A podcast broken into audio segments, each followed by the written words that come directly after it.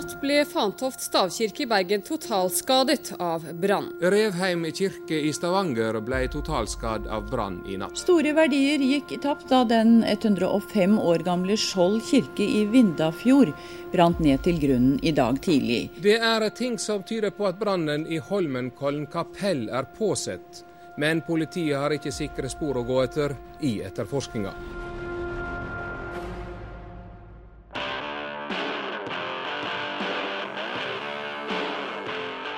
Du lytter til Kirkebrannene, en podkast fra Dagen.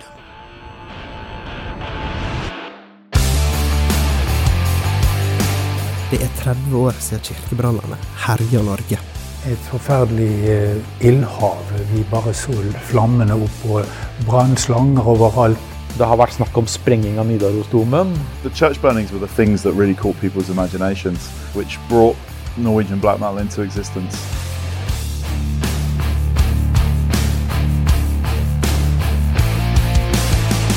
I løpet av sommeren 1992 hadde fire kirker brent. Den siste, 26. august, var i Holmenkollen kapell. Kirka der kongefamilien feirer julegudstjeneste hvert år. Når høsten kom sigende på, var Norge prega av det som hadde skjedd. Det var kjent at ungdommene som sto bak brannen i Revheim kirke, var inspirert av satanisme og black metal. I tillegg var det spor på de andre brannene som tyda på at de kunne være inspirert av det samme. For å forstå kirkebrannene må vi først forstå black metal-miljøet. Men hva var egentlig black metal? Det er viktig å, å starte med, begynnelsen. Vi har tidligere hørt forfatter og journalist Didrik Søderlind. Han har skrevet bok om det norske black metal-miljøet på starten av 1990-tallet. Black metal er ikke en norsk oppfinnelse. Det ble skapt i England av et band som het Venom.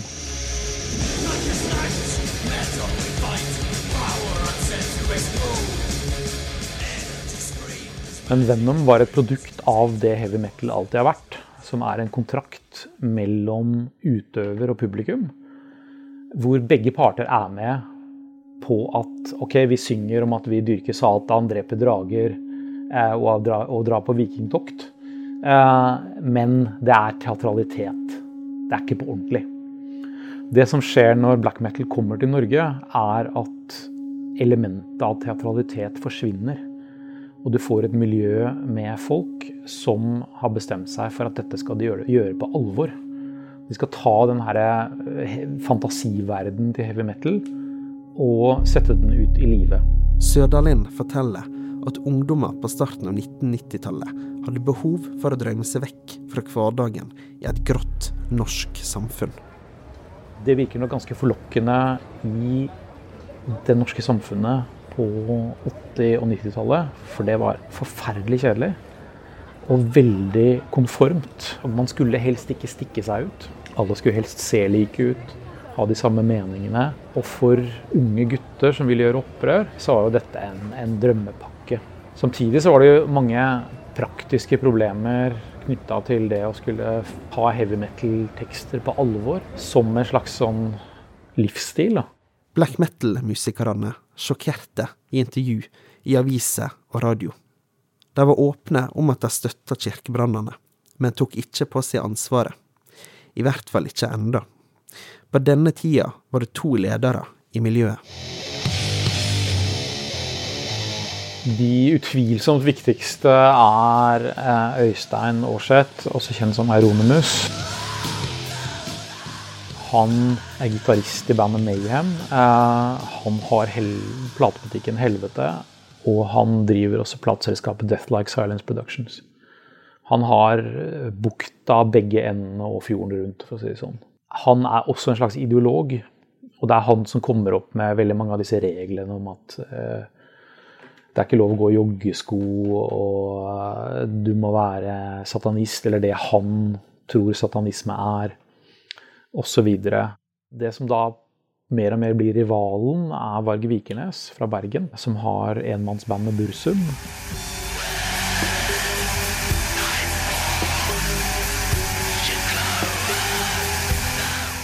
Som blir en slags sånn rival da, Ikke minst fordi det er en sånn slags sånn merkelig politisk gnisning ved at Øystein Aarseth er en slags kommunist, i den forstand at han dyrker eh, diktatorer fra Øst-Europa. Alle de tingene som vanlige kommunister prøver å glemme, det elsker han.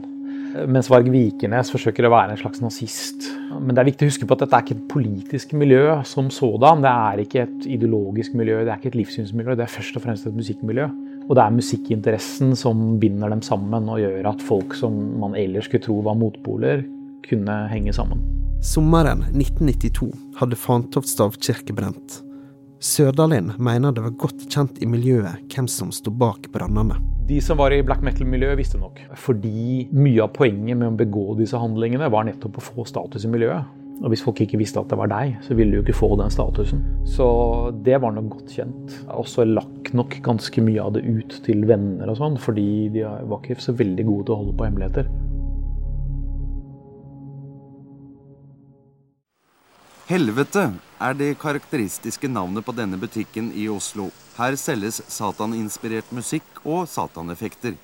Innenfor opplyses de mørke lokalene bare av stearinlys. Her selges T-skjorter med påskriften 'Drep de kristne'.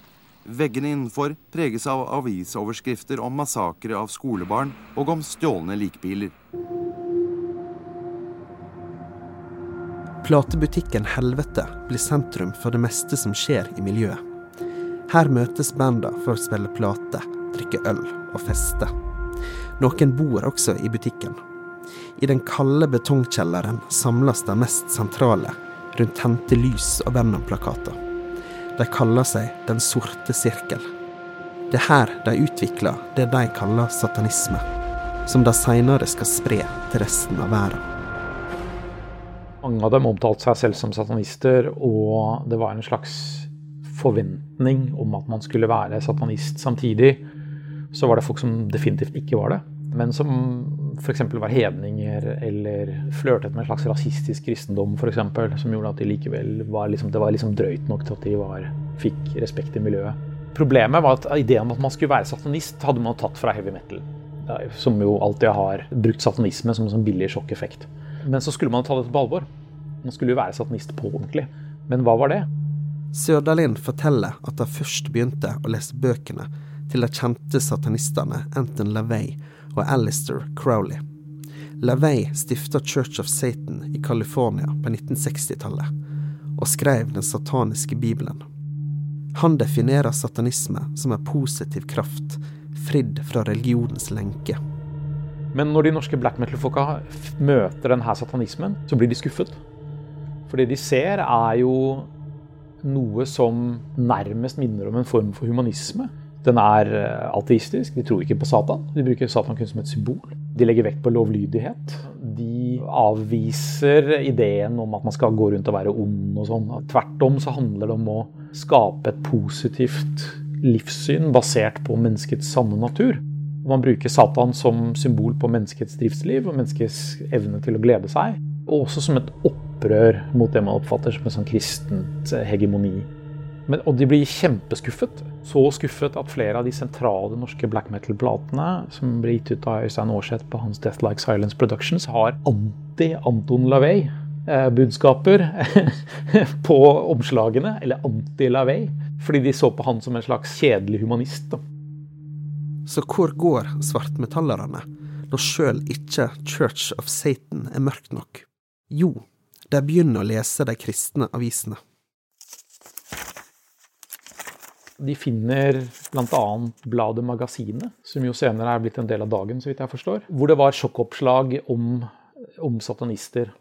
Fordi på 80- og 90-tallet så ble verden, eller Vesten, ridd av en mare som i ettertid kalles for satanpanikkene.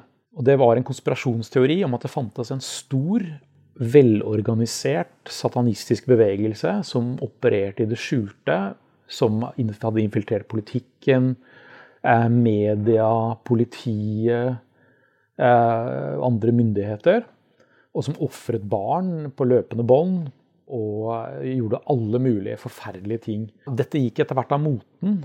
Ikke minst fordi folk forsto hvor mye av dette som var gammeldagse antisemittiske forestillinger. Altså gamle konspirasjonsserier om jøder som bare hadde fått et lite oppkok. Men et av produktene det ga, var den satanismen i anførselstegn som norsk black metal-miljø skapte. Hvor de hadde sittet og lest kristenaviser og, og lest om hvordan satanister ønsker å være ondest mulig og begå fryktelige handlinger eh, osv. osv. Og, blitt inspirert av det. da. Et søk i arkivet viser at Dagen var veldig opptatt av satanisme på den tida. Allerede på slutten av 1980-tallet skrev Dagen om barneofringer i USA. På lederplass ble det sagt at dette var på vei til Norge. Det var svære oppslag om satanister som fant Jesus, og politimenn som ble omtalt som Guds menn i åndskampen. Det var lav terskel for å stemple nye fenomen som okkult. Blant annet ble leserne advart mot TV-serien Twin Peaks. Kirkebrannene gjorde det ikke noe bedre. Både de kristne avisene og resten av Presse-Norge kasta seg på satanbølga. Nå hadde de endelig grunn til å advare mot satanisme. Både kristenpressen og vanlig presse, det må også sies, kjøpte jo denne satanpanikk-greia eh, med hud og hår. For det var jo fantastisk kioskveltere, ikke sant? Ritualer hvor man ofret forsvarsløse små barn. Ritualer hvor barn ble tvunget til å spise ekskrementer. Alt dette her var jo, det var jo veldig salgbart. Det dukket jo også opp en sjanger med bøker som ble solgt til kristne bokhandlere. Eh, som var nesten en slags kristen voldsporno. Som skildret disse tingene i veldig sånn inngående detaljer til det motbydelige. Og så er det jo også det med konspirasjonsteoriers logikk.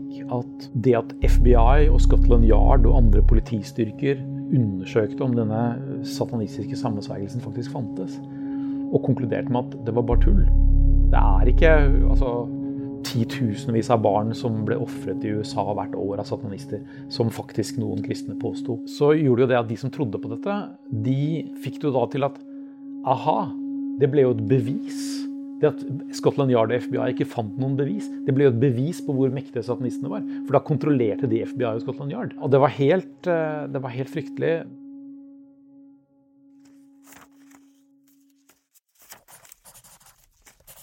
I arbeidet med denne podkasten har vi snakka med sjefsredaktørene i både Dagen og Magasinet i 1992. Finn Jarle Sele, som satt i sjefsstolen i Dagen, er ikke enig i kritikken. Han er tvert imot stolt over dekninga deres. Jeg tror det var riktig å dekke det så godt som vi gjorde. Og jeg er veldig stolt av det som vi skrev den gangen, og sa den gangen. Men som sagt, jeg tok jo et lite forbehold at mye av det generelle materialet, det er jo hentet fra ideologisk pregede bøker. Vi tar også opp konkrete eksempel, blant annet en leder han skrev i juni 1991 nøyaktig et år før brannen i Fantoftstav kirke. Der skriver han satandyrkelsen er kjent for sine makabre seremonier. Heller ikke menneskeofringer er ukjent blant satanistene. Hele kulturen er basert på frykt, slik vi ser det på Misjonsmarken. Nei, den gangen var det jo masse kristne som leste masse om dette. Og de er nok min referanse det var debattinnlegg, det var uh, samtaler du hadde med folk, og, og, det var mye amerikansk stoff og stoff fra andre kulturer som dannet bakgrunnen for å se satanismen som en, en verdensomspennende ideologi. Også tidligere redaktør i magasinet, Vebjørn Selbekk, mener det var grunn til å skrive om satanismen slik de gjorde. Altså det vi sto overfor på 90-tallet, var jo at eh, det ikke lenger bare var rykter om satanister. Altså her Plutselig så, så eh, fremtrer det en gruppe mennesker som sier at de dyrker Satan, de hater de kristne. Og eh, for å understreke at de mener alvor, så tenner de på kirka. Eh, og det, det, er den ene kirka etter den andre som går opp eh, i lys lue. Sånn at, at det var eh, interesse for dette her fra norsk presse, inkludert magasinet som jeg var redaktør for. og også dagen, det, det syns jeg ikke var unaturlig. Det kanskje ble overdrevet av og til òg. Og jeg, klart, jeg har jo sett uh, på uh, reportasjer i ettertid som, som, man nok kanskje ikke ville ha gjort på denne måten i dag. At det var en satanpanikk i Kristen-Norge, ble også tydelig på grasrota. Over hele landet ble det arrangert såkalte rockeseminar. Der lærte ungdommer om skjulte sataniske budskap i rockemusikk. Særlig hvis en spilte platene baklengs. Flere plasser ble det også arrangert platebål. I 1990 meldte Dagen at elevene ved en kristen internatskole hadde brent rockeplater til en verdi av 20 000 kroner. De som kanskje merka satanpanikken best på kroppen, var de kristne rockebanda. Vi ringer Lars Stokstad. Et av målene når vi starta opp, det var at vi skal lage så bra musikk så til og med satanistene vil kjøpe musikken vår. Det høres kanskje barnslig ut. I 1992 spilte Stokstad i det kristne black metal-bandet Antestor. Målet det var å kombinere den harde, ekstreme musikksjangeren med kristne tekster om lyset som vinner over mørket. Det var det mange black metal-band som reagerte på, men også minst like mange kristne. Vi øvde blant annet uh, i en menighet uh, hvor vi kjent ledelsen i alle år, så de vet at vi var gode kristne gutter som ikke drev noe tull. Men uh, allikevel så blei mista vi til slutt øvingslokalet pga. at det var enkelte som var overbevist om at det vi drev med, det var fra Satan. Og det var rett og slett en stor synd og farlig det vi drev med, og det skapte uge i menigheten, mente dem. Og da fikk jeg en oppsigelse i brevform. Og i tillegg så var det en av bønnelederne som kom inn mens vi øvde en gang, og gråt og fortalte at dette hadde hun mente hun var fra Satan, og det hadde, måtte hun gi beskjed til oss om fra det hun påsto sin direkte linje opp til Gud om at dette, dette var ikke bra. Dette måtte gis med. De opplevde også at pastorene kunne komme med budskap til dem fra scenen. Jeg har vært på noen ungdomsmøter, og vi var innom ja, Oslo Kristent Senter, for å si det rett ut, en periode. Og Der ble det også sagt fra talerstolen fra ungdomspastoren Der var temaet hvordan skal en god kristen være. Og da ble det også tatt opp at ja, man skal ha som man da, kort hår, og man skal holde seg unna rock osv. videre. Så har vi også vært på noen leirer i det samme miljøet, på en måte, hvor mennesker da har tolka det vi driver med som syndig, hva skal vi for oss og kaller at vi er besatt av demoner, og at vi må endre oss, hvis ikke så kommer det til å gå oss galt, osv. I dag ligger bandet på is. Stokstad forteller at mye av grunnen er at det ikke finnes flere kristne black metal-musikere på det nivået. Hadde de derimot valgt å gå en annen vei, kunne de ha vært black metal-legende i dag. Han forteller at han har flere venner i miljøet som ikke vil si offentlig hva de egentlig mener om dem. Han fortalte at, at vi lager såpass bra musikk, så han råda oss til å snu korset. Da. Så han sa at hvis vi hadde snudd korset, så hadde vi vært konger i miljøet. Fordi ja, at vi har levert så bra musikk og vært tro, tro og trofaste og tro mot sjangeren, holdt på så lenge og levert kvalitet. For Stokstad har det vært ei belastning å spille musikken han elsker. Nå har han lagt musikken på hylla, men for andre i bandet har reaksjonene fått større konsekvenser. Så det har jo vært en vanvittig belastning, spesielt det fra de kristne, da. Og det har jo ført til konsekvenser for oss som band, og som enkeltpersoner. Det har jo ført til ja, uønska konsekvenser som enkelte da har jo blitt psykisk syke, rett og slett. Og enkelte har også blitt uføre, og en par som sliter med alkoholisme, og ja, som, som, rett og slett er blitt syke av dette her, da. Og noen har også mista troen. Og vi har hatt en del innom som har vært i en prosess mot kristendommen. Eh, som har blitt skremt vekk da, etter, etter sånne hendelser. Fra maktpersoner, eller mennesker med maktposisjoner, de, som jo er når de står foran eh, og er ledere eh, og skal representere på en måte kristendommen og Bibelen. Da. Så de har rett og slett skremt unna en, en god del og ført til belastning, forskjellige konsekvenser for oss som holdt jeg har holdt ut med troen. da. Forskeren Didrik Sørdalin, som vi snakka med tidligere i episoder, mener det er viktig at vi ikke glemmer satanpanikken. Han mener konspirasjonen var forløperen til det som i dag er en av verdens mest kjente konspirasjonsteorier. Nemlig forestillinga om at ei satanisk elite i USA dreper og eter barn, og at bare ku kan stoppe det.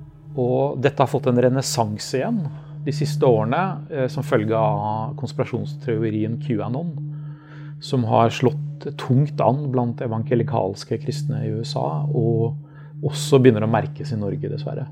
Det er all grunn til å både være på vakt mot dette og skjønne at det ikke er en del av fortiden. Det er i høyeste grad levende.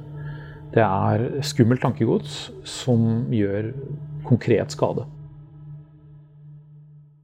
i neste episode.